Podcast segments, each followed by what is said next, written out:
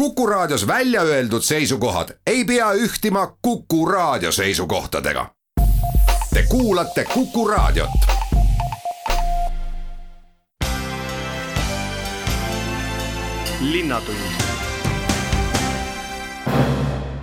tere päevast, Linnatund alustab, stuudios on saatejuht Ulla Lents ja ütlen kohe tere meie tänasele esimesele külalisele,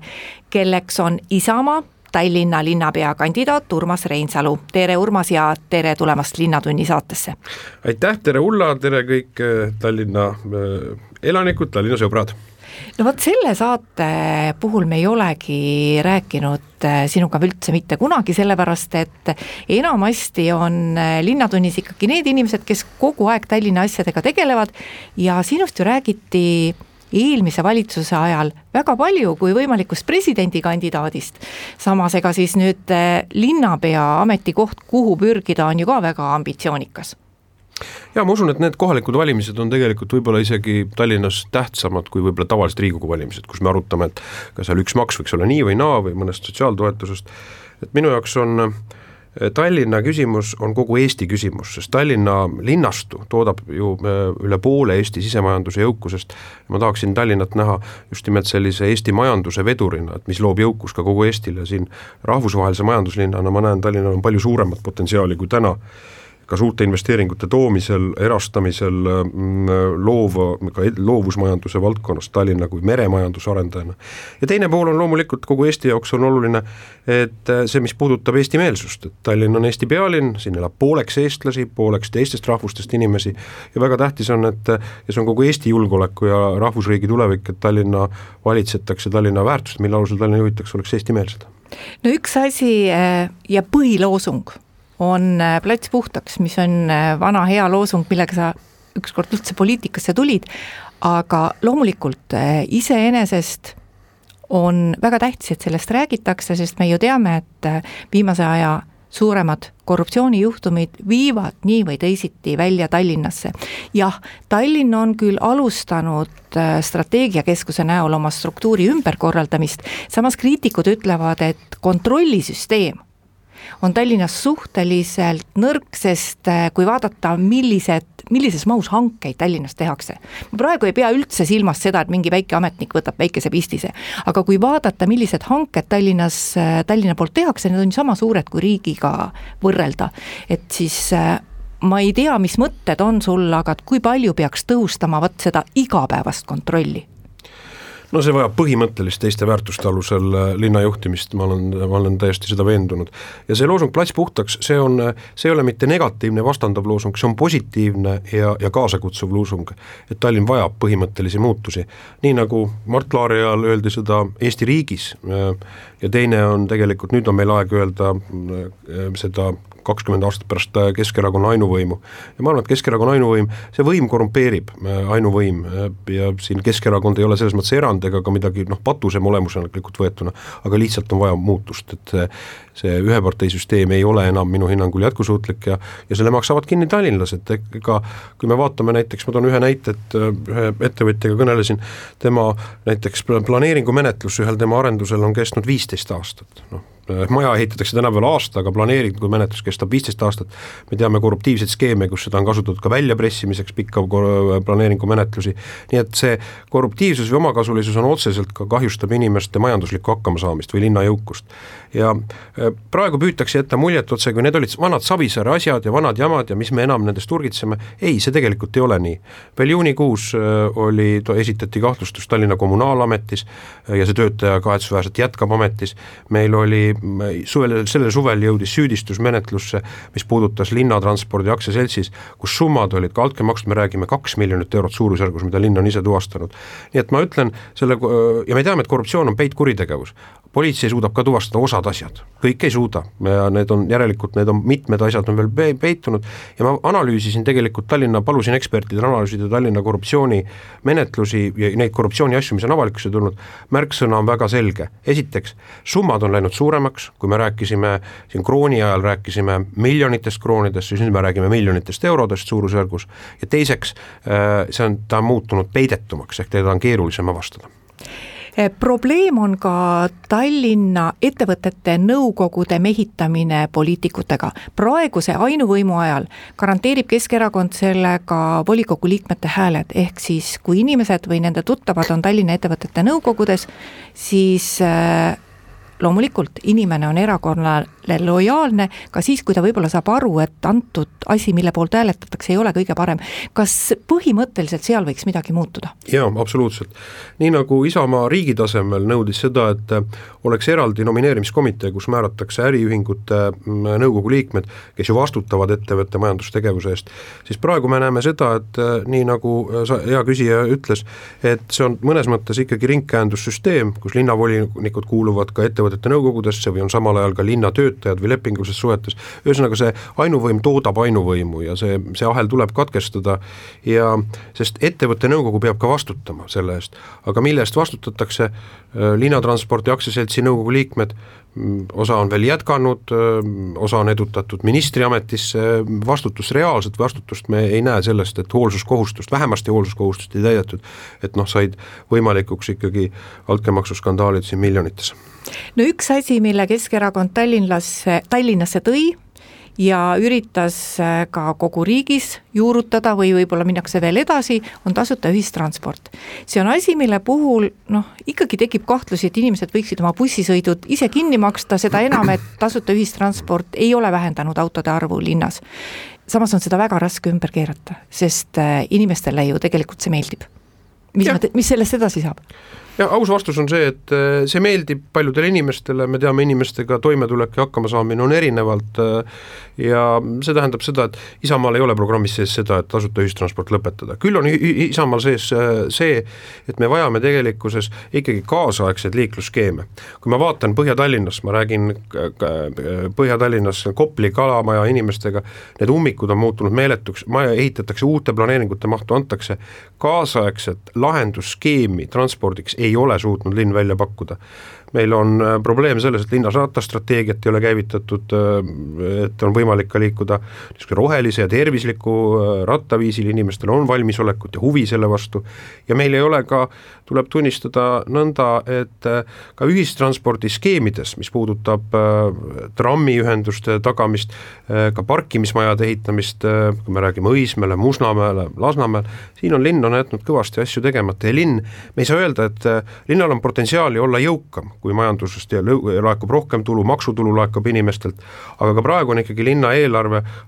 üle kaheksasaja miljoni euro ja need valikud, kuhu raha investeeritakse, kuhu tehakse, ma arvan, võiksid rohkem keskenduda just nimelt eh, linnaruumile, hakkamasaamisele teine asi, mis on minu jaoks on väga südamel, on, puudutab äh, tervishoidu, et inimesed on,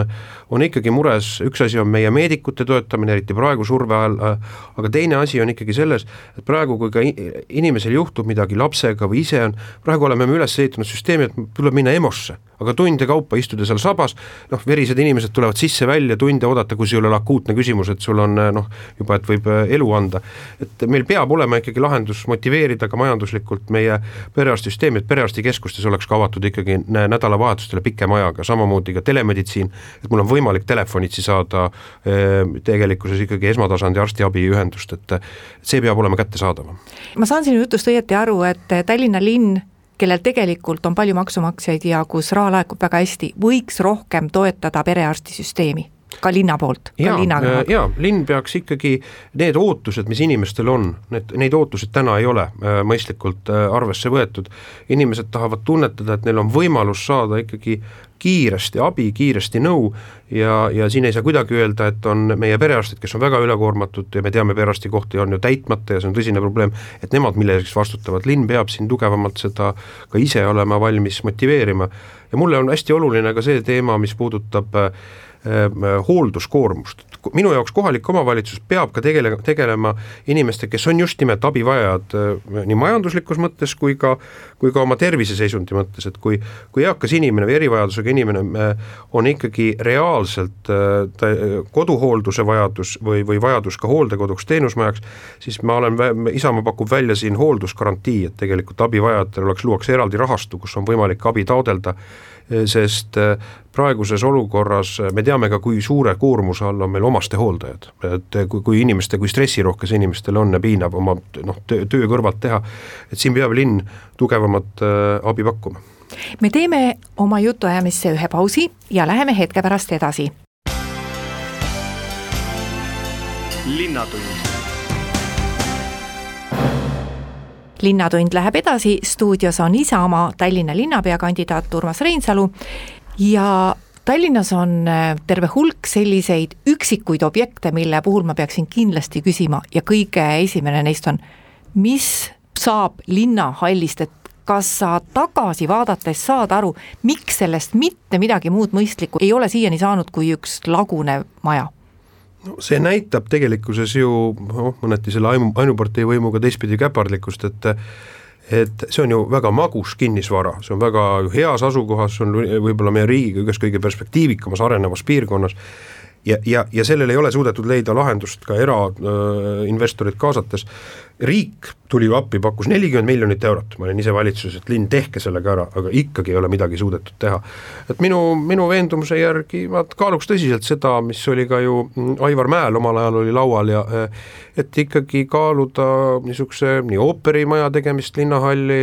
konverentsikeskuse tegemist sinna, luua sinna ka ettevõtjatega koos noh, nii-öelda meelelahutusvõimalusi, sest see on ju põhiline trajektoor hakkab olema meil, lõviosa turiste tuleb ju Eestisse ka väljapoolt, tuleb laevadega Ehm, seal on, see piirkond on vägagi atraktiivne, inimesed tulevikus külastavad patareid, mere, ehm, lennusadamat, seal on vaadata inimestel väga palju. kas Tallinna haigla rajamine, millega linn praegu aktiivselt tegeleb, on hea mõte? jaa, ma arvan küll, ma arvan, et Tallinnal on kindlasti haiglat vaja, aga mina, mina olen alati seda usku, et kui ma vaatan praegu ka Tallinnas tervishoiutöötajaid, eriti õdede ja abi, ütleme ka haiglas selle nii-öelda abistava personali palku, õdede, õdede koormust, mina ütlen alati ühte asja, et üks asi on ehitada uusi investeeringuid, see on oluline tulevikuperspektiivi silmas pidades, Euroopa Liidu vahendeid kaasates, aga ma pean tunnistama, et ka siin on linn mõneti minu üllatuseks hiljaks jäänud, sest Keskerakond lubas eelmistel valimistel, et juba praeguseks peaks see haigla valmis olema aga teine asi on tegelikult ka tagada, et linn peab ka ikkagi ka oma, äh, vähemalt oma haiglates suutma tagada normaalse äh, tasustamise äh, meditsiinitöötajatele. Tallinna linnas on Narva kõrval kõige suurem teisekeelne koolivõrk. Mis mõtted siin on, hariduse sisu küll teatavasti määrab meil Haridusministeerium, samas koolipidaja on kohalik omavalitsus jaa, ja see on olnud loomulikult Keskerakonna jaoks ideoloogiline projekt, äh, asi, mis peaks olema hariduslik äh, ja terve mõistusega lahendatav, on muudetud poliitiliseks, äh, nii-öelda Eesti-Vene vastasseisu ülesehitamine on olnud Keskerakonna üks tee, kuidas Vene valijaid mobiliseerida. ja siin ma tahan öelda kõigile ka vene emakeelega peredele, et et see, see on vale käsitlus, mida Keskerakond on pakkunud, eestikeelne haridus on teie laste tegelikult elus hakkamasaamise huvides nii parema töökoha, parema hariduse, tulevikus oma pere elatamise ja eneseteostusvõimaluste avaramalt ja see ei tähenda kuidagi rahvuskuuluvuse või juurte maha surumist, ei, kõigil on, kõigil inimestel peab olema õigus olla uhke oma juurtele, oma rahvusele, oma identiteedile. ja seetõttu Isamaal on selge loogika, et meil peab olema eraldi abilinnapea kes eesti keele küsimustega Tallinnas tegeleb, me viime, meil on plaan olemas, kuidas eesti keelele viia üle Tallinna haridusvõrk ja seda on võimalik teha. Ja veelgi enam, ma arvan, et Tallinnas me peaksime, kui ma olen kõnelenud ka meie keeleekspertidega, eesti keele kasutusruum Tallinnas tegelikult praegu aheneb. meil tuleb Ida-Virumaalt tuleb inimesi, Ida-Virumaal pannakse põlevkivitööstus ka järk-järgult kokku, tuleb Tallinna vene keelt kõnelevaid inimesi, inglise keel tungib peale, me peame Tallinnas olema valmis kehtestama ka keelepoliitikat, mis tagab tagab eesti keele mõjuvälja Äh, kestmise ja säilimise, et äh, Tallinnat ma ei taha teha, ma ei taha näha Tallinnat niisuguse anonüümse linnana, kus ringi liikudes äh, ja, ja suheldes sa ei saa hakkama eesti keeles, et seetõttu minu selge arusaamine on ka see, et me peame ka kõigilt, ka taksojuhtidel sellisel tasemel teenustel nõudma tegelikult vähemalt B1 tasemel eesti keele oskust, praegu seda nõuet ei ole. no äkki me ei pea üldse nii palju teenuseid pakkumagi vene keeles, et, et meil on riigikeel ikkagi eesti keel ja ja kui ametiasutustes ikkagi inimesed peaksid asju ajama eesti keeles, siis võib-olla see motiveeriks ka täiskasvanuid rohkem minema eesti keelele üle jah, põhimõtteline, minu jaoks on murettekitav see, et äh, meil, see oli omal ajal oli tegelikult ka nii politseinikega Ida-Virumaal, kus ühel hetkel võeti vastu otsus, me ei pikenda neid asju, need, kes on keele suhu saanud, need jätkavad politseinikud, kes ei oska seda keelt, leiavad endale teise rakenduse. et äh, ja samamoodi ma näen praegu Tallinnas, sellel aastal on tehtud kümneid ja kümneid ettekirjutusi, mille sunnirahasiga maksab kinni Tallinna linn, selle eest, et äh, ka asutuste juhid tegelikult äh, või töötajad vastavas valdkonnas ei valda nõuetekohaselt eesti keelt, ma arvan, et siin tuleb üks, üks selge liin vahele tõmmata, öelda, et aega on olnud õppida, nüüd tuleb tegelikult katsu-, nüüd tuleb jätkata neil, kes on eesti keeles valmis äh, panustama ja ja see küsimus ongi, see ei ole ju jällegi mitte äh, apoliitiline küsimus, see on väärtuste küsimus, mille alusel meie linna juhitakse ja noh, kõige parem näide on siin tõesti Lasnamäe vene kooli juht härra Garandža, kellel esimene ettekirjutus, varsti hakkab juubel saabuma, oli, tehti üheksakümne seitsmendal aastal, et ta eesti keelt ei oska. linn maksab sunniraha kinni, meie enda maksu, linnakodanike maksurahast ja see inimene jätkab, Eesti president, nagu ma lugesin lehest, Eesti presidendi pilti seal koolis ei ole, küll on seal Vene saadiku pilt pandud ja lapsi on veetud siis okupatsiooni sümbolite juurde pilti tegema, no kuulge, see asi, see ei ole, see ei ole meie, see ei saa olla vaba Eesti pealinn kolmkümmend aastat pärast riigi taastamist kui me nii, et kui me ei suuda seda muutust esile kutsuda, muide Riias suudeti eelmisel aastal, oli samamoodi üks noh, nii-öelda vene, venemeelne ja, ja ka väga suurte korruptsioonijamadega erakond Harmoonia oli eelmisel aastal Riias ainuvõimul ja lätimeelsed jõud võtsid ennast kokku ja kukutasid selle äh, partei võimult. ja ma usun seda, et kui meil Tallinnas õnnestub eestimeelsed jõud koondada ja see ongi minu sõnum olnud, moodustada ühinenud opositsioon, teha koostööd astuda samm ka tagasi, et ühiselt saavutada parem eesmärk ja kõnetada linnakodanikke ja viia see sõnum kohale, et Tallinnas on võimalus kõigile inimestele pakkuda paremaid teenuseid, paremat elujärge ja Eesti huvides on, on muutus kas ma saan sinust õieti aru, et see ühinenud koalitsioon võiks olla selline, kuhu Keskerakond sedapuhku ei kuuluks üldse?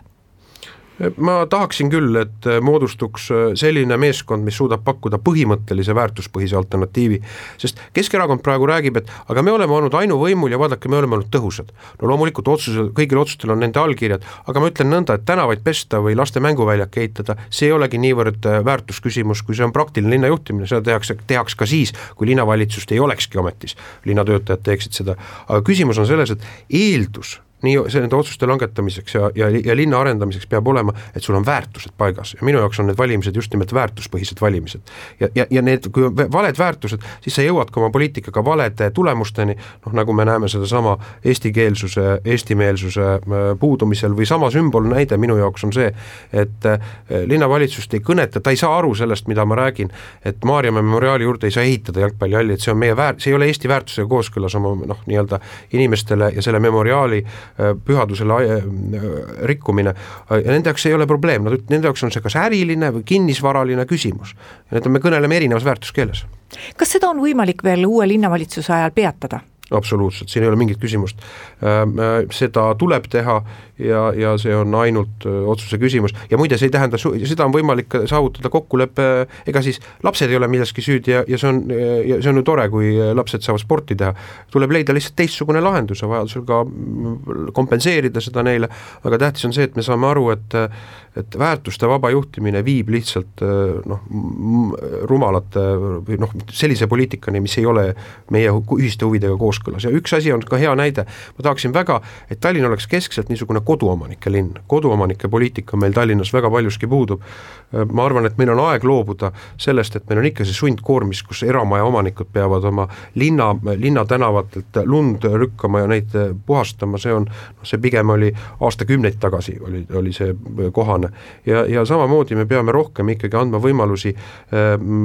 majade soojustamiseks, eramajade, kortermajade soojustamiseks, see on energiapoliitiliselt mõistlik, see on inimeste vara väärtus kasvab, neil on äh, väiksemad küttearved ja väga oluline on minu jaoks ka see, et täna on tegelikult, on üks grupp inimesi, kellel on väga keeruline oma kodu planeerida ja see on noored lastega pered. ma tahaksin, et Tallinnas oleks ka programm noortele lastega peredele ja ma tahaksin ka selle sõnumi viia kohale, et nende kodu soetamise, toetamise programm, et see oleks ka signaal noortele inimestele, kes on laia maailma läinud, Tallinna noortele, et tulge tagasi, et Tallinn võtab teid kutsuvalt vastu, teil on võimalus siin oma kodu soetada, olla ise koduomanik ja oma perega hästi hakkama saada ja ma ütlen siinkohal aitäh, Urmas Reinsalu, ühinemast Linnatunni saatega, mul oleks erakordselt hea meel, kui tallinlased ei peaks enam Tallinna linna tänavaid puhastama. ma soovin sulle edu valimistel ja kuulajatele nii palju, et pärast seda, kui me oleme lühiuudised ära kuulanud, on juba jutuks teised teemad. linnatund linnatund läheb edasi ja nüüd on stuudios Tallinna Haridusameti juht Andres Pajula, sest kohe-kohe algab kool. Andres Pajula, no millised need numbrid on, et kui palju meil Tallinnas sellel sügisel lapsi kooli läheb? jaa, tegelikult numbritest on tore rääkida, et äh, numbrid on ühest küljest rõõmustavad ja teisest küljest äh, kindlasti äh, äh, murettekitavad, et esiteks on see, et äh, kindlasti kui me mõtleme, võrdleme viieaastase äh, taguse ajaga, siis täna on meil ikkagi seitse tuhat last eh, koolivõrgus koos erakoolidega rohkem, täna on eh, koos erakoolide ja riigikoolidega läheb eh, esimesel septembril kooli üle viiekümne ühe tuhande lapse. samases tegelikult see trend, mis on sündivuse osas, siis võiks öelda, et esimesse klassi minevate laste arv on viie aasta tagusega võrreldes ikkagi viissada last vähem. ja samas tegelikult äh, viissada last rohkem läheb meil gümnaasiumisse, ehk tegelikult äh, kui me täna räägime hariduse kättesaadavusest, siis äh, võib-olla on äh, riigigümnaasiumite rajamine natuke Tallinnas võtnud rohkem aega, kui oleks vajalik ja, ja kindlasti see seab teatud piirid õpilaste edasiõppimisele. nii et arvud on rõõmustavad ja samas siis tegelikult tulevikku vaatavalt optimistlikud nii et koole me kinni igal juhul ei pane Tallinnas? ei, koole me kindlasti kinni ei pane, Tallinnas on täna ikkagi küsimus selles, et kui palju ja kuhu peaks uusi kooli rajama ja kindlasti Tallinna linn oma uute koolide rajamisel on tõmmanud pidurit, sest ta on teadnud, et tulevad riigigümnaasiumid ja riigigümnaasiumite tulek kindlasti toob kaasa olulisi muudatusi koolivõrgust, selles mõttes, et lastel tekib täiendavad valikuvõimalused ja siis paljud täistsükli koolides tekivad jälle vabad äh, koolikohad ja kindlasti pikas, pikas perspektiivis on ikkagi äh, murettekitav see, et õpilaste arv on languses ja kui me täna vaatame lasteaialapsi, siis äh, viis aastat tagasi oli lasteaedades meil oluliselt rohkem lapsi, kui on täna, nii et täna lasteaedades on ka kuskil kakskümmend üks tuhat last meil ja viis aastat tagasi oli ikkagi aeg, kus me pidime kasutama moodullasteaedu, moodulrühmi selleks, et kõik lapsed ära paigutada. nii et me peaksime nagu elama üle mingisuguse mõneaastase tsükli, mille tarvis ei ole väga palju mõtet teha investeeringuid uutesse kohtadesse, aga kuidagi tuleb ju ikkagi hakkama saada. jaa, see on õige, et tegelikult eh, investeeringute tegemisel tuleb eh, vaadata väga pikka perspektiivi, et eh, kui me ikkagi ühe kooli rajame, siis see kool peaks kestma vähemalt ühe põlvkonna, järgmised kolmkümmend aastat. Ja kindlasti uue kooli rajamine on põnev ettevõtmine ja kindlasti riigigümnaasiumite tekkimine oleks üks täiendav võimalus. Ja kindlasti on Tallinnas selliseid piirkondi võib-olla, kus me peame vaatama, kus elanike arv kasvab üle kolme tuhande, viie tuhande uus elamupiirkonnad, ka sinna tuleb ikka tõsiselt kaaluda uute koolide rajamist, sest et põhikooliõpilased võiksid ikka käia võimalikult kodulähedastes koolides. no kuna meil on praegu valimiste sügis, siis tuleb väga palju loosungeid ka haridusvaldkonnas ja kindlasti on nende seas ka loosungid Teeme korda kõik Tallinna koolid, teeme korda kõik Tallinna lasteaiad, kui palju seal teha veel tegelikult on? noh, ütleme niimoodi, et kahekümne aasta jooksul, viimase kahekümne aasta jooksul on üheksakümmend kolm protsenti Tallinna koolidest renoveeritud. kakskümmend aastat on pikk aeg ja need, mis esimesel üheksakümne kuuendal, üheksakümne seitsmendal aastal said tehtud, neid me juba täna otsast remondime, nii et äh, ühest küljest ütleks, et koolidel on kohe-kohe ring peal ja kaks-kolm kooli veel on jäänud, lasteaedades on äh, oluliselt pikem teekond minna, seal saja kahekümne viiest lasteaiast on ikkagi äh, renoveeritud kakskümmend seitse lasteaeda, rõõm on tõdeda, et sel aastal äh, neli lasteaeda saavad äh, uue kuue ja saab ka renoveeritud, nii et äh, järgmise perspektiiviga on ikkagi linn üsna selgelt võtnud sihi selleks, et kahe tuhande kolmekümnendaks aastaks kõik Tallinna lasteaed renoveerida või siis ehitada uued, sest et äh, me räägime ka täna sellest, et paljud lasteaedad on nii amortiseerunud, et äh, nende hoonete renoveerimine ei ole mõistlik selleks, et kaasaegset õpikeskkonda saavutada, kaasaegset lastele arengukeskkonda, siis on mõistlikum võib-olla paljud hooned äh, täiesti uuesti üles ehitada?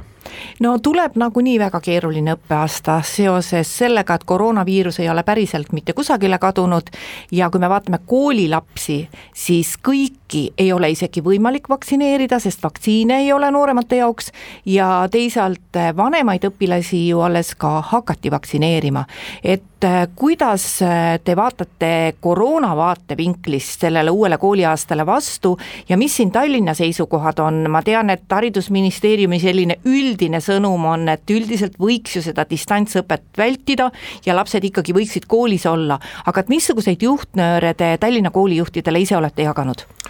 No selge on see, et meil toimub alles reede kohtumine, kus me räägime sellest, kuidas esimesele septembrile vastu minna, aga kindlasti äh, kui me räägime vabariigist tervikuna, siis äh, mõnes Eestimaa piirkonnas on koolis kakssada last ja ruumi hästi palju liikumiseks ja selge on see, et et seal need lähikontaktid on teistsugused kui Tallinna koolides, Tallinnas tuleb tõdeda seda, et me koolid on ikkagi äh, suhteliselt äh, täis, õpilasi on koolides palju ja ma isiklikult arvan, et äh, hübriidõpe selle koroonaga seoses on tulnud selleks, et jääda ja ja ma ei oleks selles nii kindel, et äh, kõik lapsed saavad äh, kõik sada seitsekümmend viis päeva õppida oma koolis, et kindlasti selleks, et viirus ei leviks oleme sunnitud ka kui see viirus hakkab nii jõudsalt levima, rakendama mingeid, mingeid samme, meetmeid, kuidas võimalikult äh, hästi edasi minna, aga selge on see, et ka meie soov on see, et äh, võimalikult palju õpet toimuks kontaktõppes, aga sellegipoolest Äh, me peame ka sellest äh, kriisist äh, või sellest võimalusest midagi kaasa võtma ja kindlasti osadele õpilastele see hübriidõpe on väga hästi sobinud ja selles mõttes ma arvan, et hübriidõpe on tulnud selleks, et jääda, mitte selleks, et kaduda no konkreetselt koroonaviirusest rääkides, siis koolijuhtidel on kindlasti päris palju segadust, et vot mis ma nüüd teen, et ühelt poolt Tallinna koolides on juba alanud see vaktsineerimine, et mitte siin mitmel nädalavahetusel on juba antud teada nii lapsevanematele kui õpilastele, et mõneski koolimajas saab vaktsineerida ja ma eeldan, et see ka jätkub. teisalt on meil ju siin äh, vaktsiinivastased inimesed, kes põhimõtteliselt ei taha vaktsineerida, noh, nad ei luba tõenäoliselt ka oma lapsi vaktsineerida ja need lapsed peavad ka koolis käima. et vot koolijuhil on nüüd tohutult keeruline seal hommikul ukse peal siis selekteerida, et et kas võib küsida seda koroonatõendit, kas võib teha neid kiirteste, kuidas nad kogu sellest rägastikust välja tulevad või kui, kui selgeid sõnumeid nad ka Haridusametilt ootavad? selge on see, et koolijuhid on terve veerimisperioodi ootanud selgeid sõnumeid ja, ja kui me vaatame, siis need selged sõnumid on olnud äh, kui me oleme ka andnud selged sõnumid, siis noh, on need olnud äh, kahtepidi arusaadavad, äh, samas siis tegelikult äh, noh, selge sõnum on see, et, et püüame terved hoida, selge sõnum oli ka see, et eelmine sügis, kui me vastu läksime, me püüdsime termokaamerates hoida haiged eemale. ka selge on see, et täna, kui me räägime testimisest, siis kindlasti kaheksakümmend protsenti testib ja kakskümmend protsenti lipsab ikka läbi et noh, ega siin muud ei ole, et äh, inimeste käitumisharjumused hakkavad muutuma, koolid hakkavad sellest juba äh, aru saama ja tegelikult äh, niisugune praktiline kogemus on ikkagi see, et kindlasti ja paljud vanemad, et haigeid lapsi ei saadeta kooli, aga võib-olla lastega, lasteks, aga kõige tähtsamad on ikka õpetajad ja siin aitab ikkagi tegelikult isiklik eeskuju, veenmine ja võib-olla ka niisugune praktiline tegevus, et ega midagi teha ei ole ka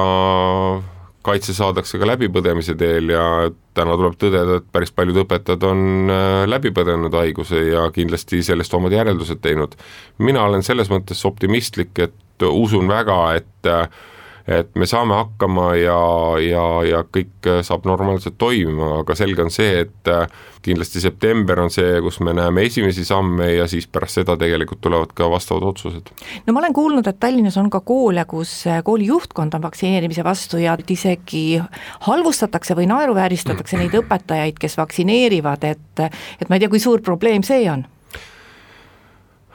ega siis äh, hariduses on äh, täpselt samasugune läbilõike ühiskonnast, nagu on äh, mujal, et äh, kindlasti on ka meie süsteemis, aga kindlasti on hästi oluline see, et äh, me ei tohi inimesi sildistada, me ei tohi inimesi naeruvääristada, inimestel on erinevad seisukohad, me peame õppima erinevate seisukohtadega elama ja nii, nagu on, kõik inimesed on erinevad ja see ongi tegelikult üks meie väärtusi ja tugevusi, sest ka eitamine annab tegelikult äh, võimaluse tegelikult asjade üle rohkem äh, järele mõelda, rohkem mõelda, kuidas äh, paremini teha, nii et minu meelest oponendid, eitajad toovad meile parimad lahendused. ja lõpetuseks, kuidas meil õpetajaga kaadriga on, et kas meil algavaks kooliaastaks õpetajaid jätkub Tallinnas? Noh, õpetajatega on alati nii, et, äh, et neid võiks rohkem olla, valikut võiks olla rohkem, koolijuhid ütlevad, aga kõik koolid on hakkama saanud. Äh, kindlasti viimaste aastate põud on olnud seoses äh, esimeste klasside laste arvu suurenemisega, klassiõpetajate põud on suur ja kui eilegi koolijuhtidega rääkisin, siis ikkagi klassijuhat-, klassiõpetajad tuntakse kõige suuremat puudust. Neid on küll ühest küljest ette valmistatud, aga teisest küljest on neid palju puudu kõikides teistes õpetajate gruppides vaatasin ka haridussilmast, et äh, ametikohti on vähem kui, kui õpetajaid, aga samas see ei tähenda midagi, sest et äh, kogu Harjumaa tingimustes ju paljud õpetajad ongi väiksemate koormustega, nii et äh, kindlasti õpetajate probleem on jätkuvalt järgmised kümme aastat, kui me vaatame pikas perspektiivis, siis üsna suur hulk neist läheb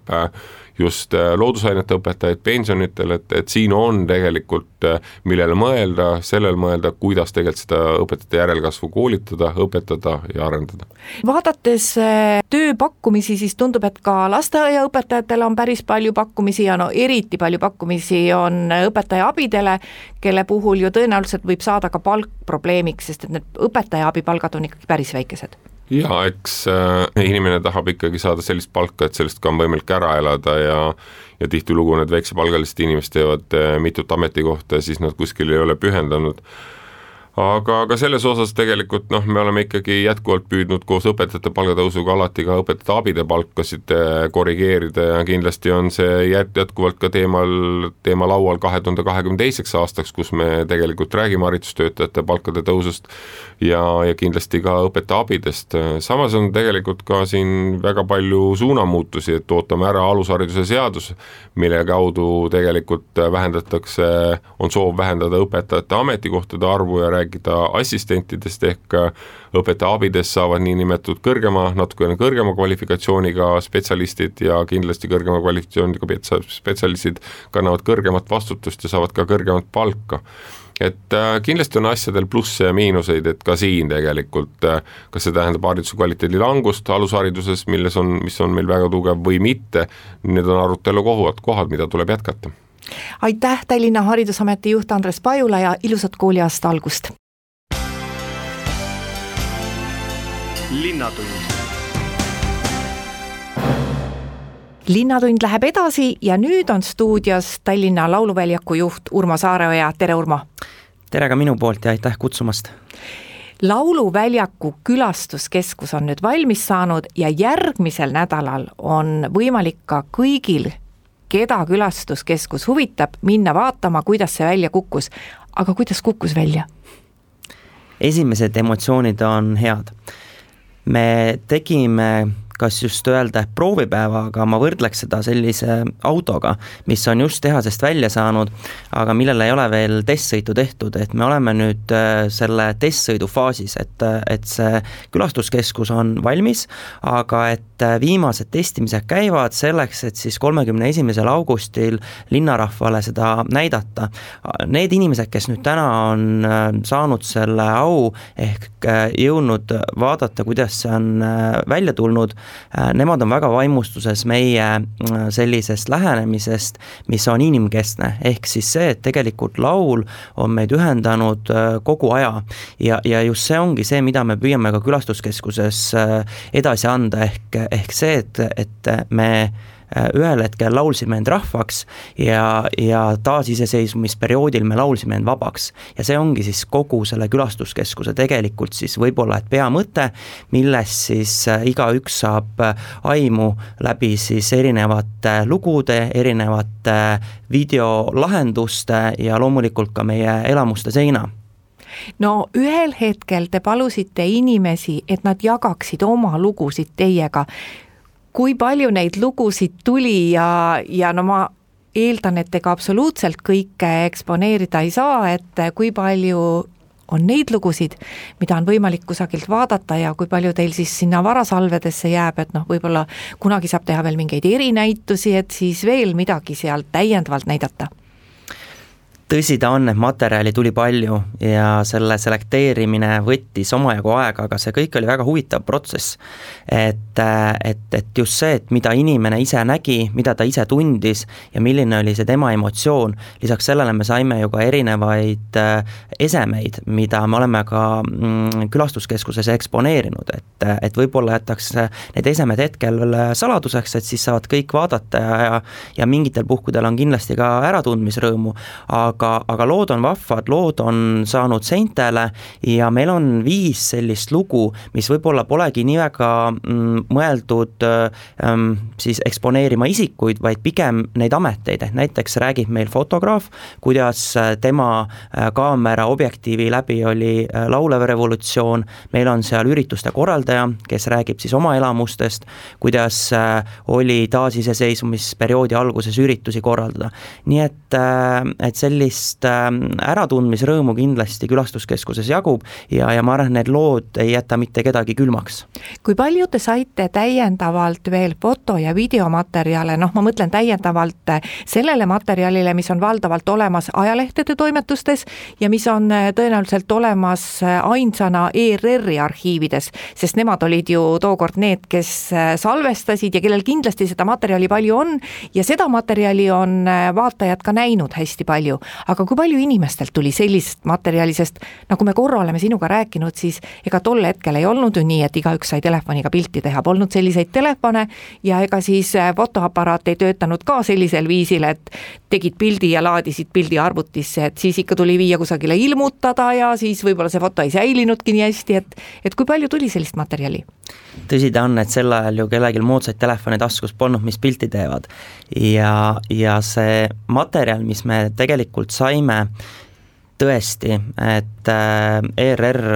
ja Rahvusarhiiv on hindamatud. et ikkagi lõviosa tuli sealt äh, inimestelt, me tegelikult tahtsime saada ähm, meenutusi või õigemini mitte siis meenutusi, parandan, ähm, videoarhiivi, pildiarhiivi kaheksakümne seitsmenda aasta laulupidudest, siis kui tegelikult see asi noh, nii-öelda mitteametlikult siis käima läks. ja nüüd tegelikult seda missiooni me ei suutnud täita. ehk kui veel on raadiokuulajad, kes teavad kedagi, kes omakorda teab kedagi, kellel on just seal kaheksa, kaheksakümne seitsmendast aastast midagi meile ette anda, mida ei ole ka ERR-i, ERR-is ega ka Rahvusarhiivis, et see on selline hindamatu asi. jah, kaheksakümne kaheksandast, kaheksakümne üheksandast aastast on palju materjali inimestel, õnneks. no kaheksakümmend seitse oli jah, ise mäletan, oli selline aeg, et äh, ega pildistamise peale siis keegi vist väga ei mõelnud. ja kuna kõik ju algas niimoodi hästi spontaanselt, siis tõenäoliselt ka tolleaegsed lehemehed ja televisioonitegijad lihtsalt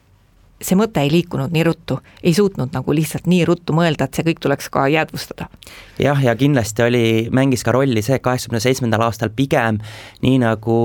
äh, inimesed mäletavad, toimus õhtul ja öisel ajal ja kindlasti oli ka tol ajal ähm, keerulisem tehnikaga, ehk et äh, foto võib-olla, et ei võtnud ka nii äh, paksus pimeduses siis äh, kõike seda pilti nii hästi, et kui ka kellelgi võis see fotoaparaat seal kaasas olla, võis ta olla täitsa kasutusest, et väidetavalt lauluväljak oli ikkagi pime, et valgusteid ei põlenud, et inimesed siis öö, ööpimeduses laulsid. lauluväljakul oli ka meie taasiseseisvumise kolmekümnenda aastapäeva kõige tähtsam üritus, kontsert, etendus, mis oli kohalviibijana võin öelda, väga meeleolukas ja, ja hästi-hästi tore lauluväljak äh, iseenesest kõik võisid kogeda, kes seekord seal olid, et lauluväljak on meil ikka ka täitsa kenasti korda tehtud, et tehti jupphaaval ja ma ei tea, kui su-, kui palju tuli panustada vaat sellesse kolmekümne aasta möödumisse taasiseseisvumisest, et ma ei tea, kas te pidite veel täiendavalt midagi tegema, et vot just siis, kui see kontsert tuleb, et siis kõik, kõik oleks kõige paremini valmis tõsi, me ju tahame anda parima, et Lauluväljak oleks äh, inimestele see koht, kus nad saavad tulla ja nautida kogu seda tervikut, ehk siis äh, protsess kui selline on olnud meil järjepidev, et me ei ole kunagi mõelnud, et nüüd just selle jaoks me midagi korda teeme, et, et selline järjepidev töö käib, sel aastal on olnud tegelikult palju tegevusi, mida me oleme ette võtnud teadlikult just ka sellepärast, et on ürituse äh, vaesem aasta ja meil õnnestubki midagi ära teha selleks, et kui nüüd ühel hetkel jälle see selline kuum kontserditurg avaneb, et siis saame saame anda endast parima, et inimestel oleks Lauluväljakul veel parem ja veel uhkem olla. et kas või see, et aasta alguses võtsime ette et lisaks laulukaare valgustamisele tuletorni ja raadiotorni valgustamise, ehk kui õhtusel ajal meie juurde tulla, peale päikeseloojangut süttib meil ilus kompleks valguslahendus, nii et, et, et see on kindlasti asi, mida, mida kõik saavad tulla ja oma silmaga üle vaadata. lisaks sellele on toimunud meil ka alaareng, ehk pikalt ei ole Lauluväljakule midagi juurde ehitatud. suve alguses sai valmis üleval turismipaviljon Aste. Aste mm, hellitavalt sellepärast, et äh, tudengite võistlustöö tulemus, äh, tulemuse mõte oli siis see, et inimesed saavad astmete peale minna ja lõpuks, kui sa jõuad siis sinna viimasele astmele, siis sealt on väga ilus vaade kogu äh, lauluväljaku kompleksile. eriti just ütlen, ähm, et tuleks tulla sügis-talveperioodil sinna, et, et siis on puud raagus ja, ja kogu see linna panoraam on ka nähtav, nii et et et, need on võib-olla sellised suuremad asjad, mis me oleme ette võtnud, aga sinna juurde kuulub ka meie kassamajade uuendus kunstikooliga, äh, kõrgema kunstikooliga Tartus Pallasega, kes on neile andnud uue värske ilme, ähm, oleme lisaks sellele loomulikult ka pargi halduse hooldusega tegelenud, uued pargipingid ja, ja, ja hoonete korrastamine ka seestpoolt, nii et, et et igas halvas on ka natuke head ja, ja sel aastal, kui, kui neid üritusi on vähem, jah, me jõuame kogu kompleksile ka rohkem tähelepanu pöörata ja, ja tegeleda just arengutega selles suunas, et oleks tulevikus äh, inimestel veel ähm, ilusam ja uhkem lauluväljakul käia. kui sündmusterohke mööduv suvi oli? lugesin kokku ja tuleb kurbusega tunnistada, et meil oli välialal ainult kaheksa üritust, äh, võrreldes näiteks äh, koroonaeelse ajaga, kus väliüritusi ikkagi suvisel ajal on kolmkümmend tükki kindlasti igal nädalavahetusel äh, ja, ja kui nüüd rääkida veel siseüritustest, siis see pilt on veel nukram, et et, et sel aastal on neid sündmusi olnud kolmkümmend kolm, varasemalt jällegi kuskil umbes äh, saja ümber, nii et, et me oleme üpriski madalseisus, mis puudutab üritusi kuidas te vaatate eesseisvale sügistalvisele perioodile, et noh, et vanasti, kui me elasime oma normaalset elu, et siis kavandati ju lauluväljakule ikkagi talvel ka igasuguseid asju, et kas talvele üldse on praegu mõtet mõelda? talvel on kindlasti mõtet mõelda ja, ja kui see talv tuleb täpselt selline nagu eelmine talv ehk äh, väga lumerohke ja, ja, ja, ja just äh, välitingimusele mõeldes, siis äh, meie pargialal on potentsiaali tegelikult, mida me võib-olla, et ei ole veel suutnud maksimaalselt ära kasutada, mida me saaksime sel talvel täitsa edukalt kasutada, ehk meil on ju tegelikult Tallinnas unikaalne kelgunõlv, mis võiks äh, töötada näiteks selliselt, et on meil äh, lift üles, äh, tegeleksime seal inimestele siis erinevate talvevarustuse rendi ja, ja, ja ka sellega, et siis inimesed saaksid seal kerget kehakinnist kinnitust, sooja jooki ja teed, mida me oleme küll teinud, aga võib-olla me oleme liiga väikselt seda ette võtnud, nii et kui meil õnnestub, siis sel aastal tahaks pisut suuremalt seda teha ja, ja, ja kui eelmisel aastal oli meil ilus talvepark, siis tegelikult sel aastal püüame me ka selle talvepargi projektiga ja koostööga RMK siis edasi minna, nii et, et plaanid meil tegelikult talveks on ja nüüd loodame lihtsalt, et välitingimustes ikkagi talvel seda kõike saab tulla ja nautima, nautida aitäh, Tallinna Lauluväljaku juht Urmo Saareoja selle väikese usutluse eest, saatejuht ütleb kuulajatele ka aitäh, et kuulasite. Ja Linnatund on tänaseks läbi. linnatund